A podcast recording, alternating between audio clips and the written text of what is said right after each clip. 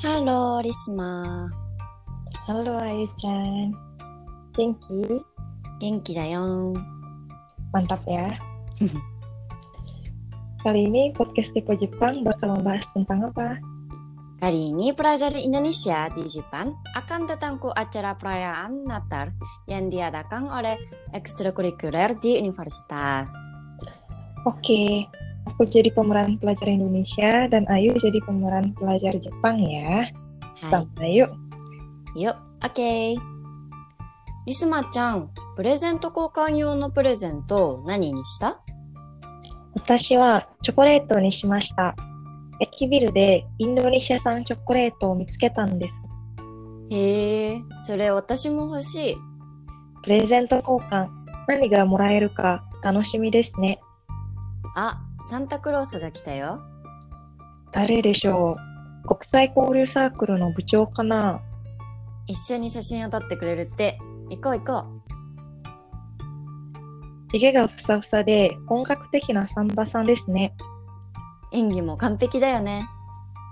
あ、テーブルに何か運ばれてきましたよ。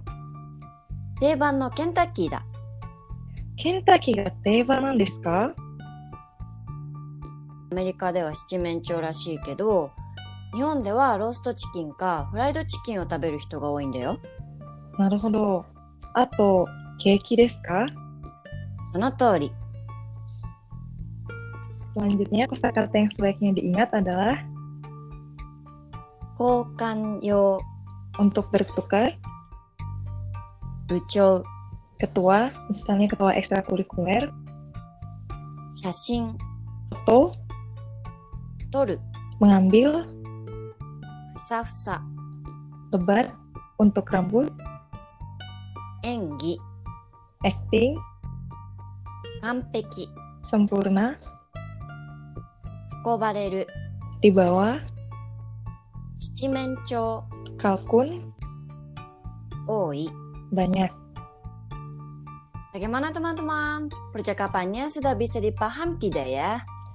Orang Jepang merayakan Natal ya? Jadi kalau di Jepang itu apapun kepercayaannya, banyak keluarga yang merayakan Christmas atau hari Natal. Bahkan pesta Natal sering diadakan dengan anggota klub atau ekstrakurikuler ekstrakurikuler universitas gitu. Mhm. Selain itu, biasanya orang Jepang yang punya pasangan pasti menghabiskan waktu Natal bersama pasangannya ya. Ya, benar banget Risma.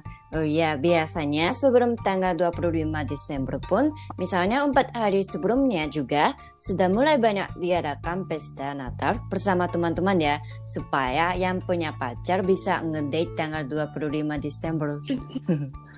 Iya juga ya. Bisa dikatakan sepertinya perayaan Christmas atau Natal itu menjadi budaya yang unik di Jepang ya. Hmm. Intinya itu menjadi waktu yang spesial banget untuk dihabiskan bersama orang spesial, ya enggak? Iya, suasana kota di Jepang juga romantis banget ya. Banyak hiasan lampu-lampu di pohon-pohon sepanjang jalan. Dan karena perayaan itu di musim dingin, Christmas identik dengan suhu yang dingin, tapi romantis ya. Hmm. Jadi di bulan Desember ada banyak spot foto di berbagai sudut kota ya. Terus saat merayakan Christmas, orang Jepang ngapain aja sih? Hmm, biasanya saat merayakan Christmas, orang Jepang makan bersama dan bertukar hadiah. Selain itu, ada juga yang bermain kuis, menonton film, dan pergi ke karaoke. Hmm. Seperti situasi percakapan bahasa Jepang tadi ya. Mm-mm. Hmm. Oh ya, perayaan Christmas itu identik dengan makan ayam dan kue ya kalau di Jepang. Iya, biasanya orang Jepang makan Kentucky atau bisa juga makan karage ya. Terus makan kue yang enak juga. Hmm. Asik banget ya pasti. Hmm. Tapi itu cuma di Jepang ya. Kalau di negara lain sepertinya makanan utamanya beda kan. Mm-mm. Hmm. Terus di Jepang tanggal 25 Desember itu bukan hari libur nasional kan ya? Iya, Risma. Itu bukan hari libur ya. Yang sudah bekerja, ya harus tetap kerja. Kecuali kalau kebetulan hari Natalnya hari Sabtu atau Minggu ya, pasti banyak yang menghabiskan waktu di tempat seperti Disneyland, ya enggak? Iya, pokoknya di mana-mana bakal banyak yang jalan dengan pacarnya ya. Hmm. Berarti yang nggak punya pacar bakal ngerasa agak kesepian nggak sih di hari Natal? Kalau Ayu gimana nih Ayu Chan? Pernah menghabiskan waktu Christmas dengan pacar ya?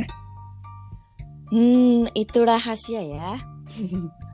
Tapi kalau menghabiskan waktu di rumah saat Natal, orang tua aku bakal merasa kasihan sama aku ya dan berpikir kalau aku tidak punya pacar ya. Oke siap. Itu tadi tentang Natal yang sudah menjadi budaya yang unik di Jepang ya. Hmm. Mungkin podcast kali ini sampai di sini dulu ya. Oke, jangan lupa lihat terus informasi baru dari Kepo Jepang. Semangat belajarnya ya. Thank you, gambatte kudasai. Arigatou gozaimasu. Arigatou gozaimasu. Mata ne, bye-bye. Bye.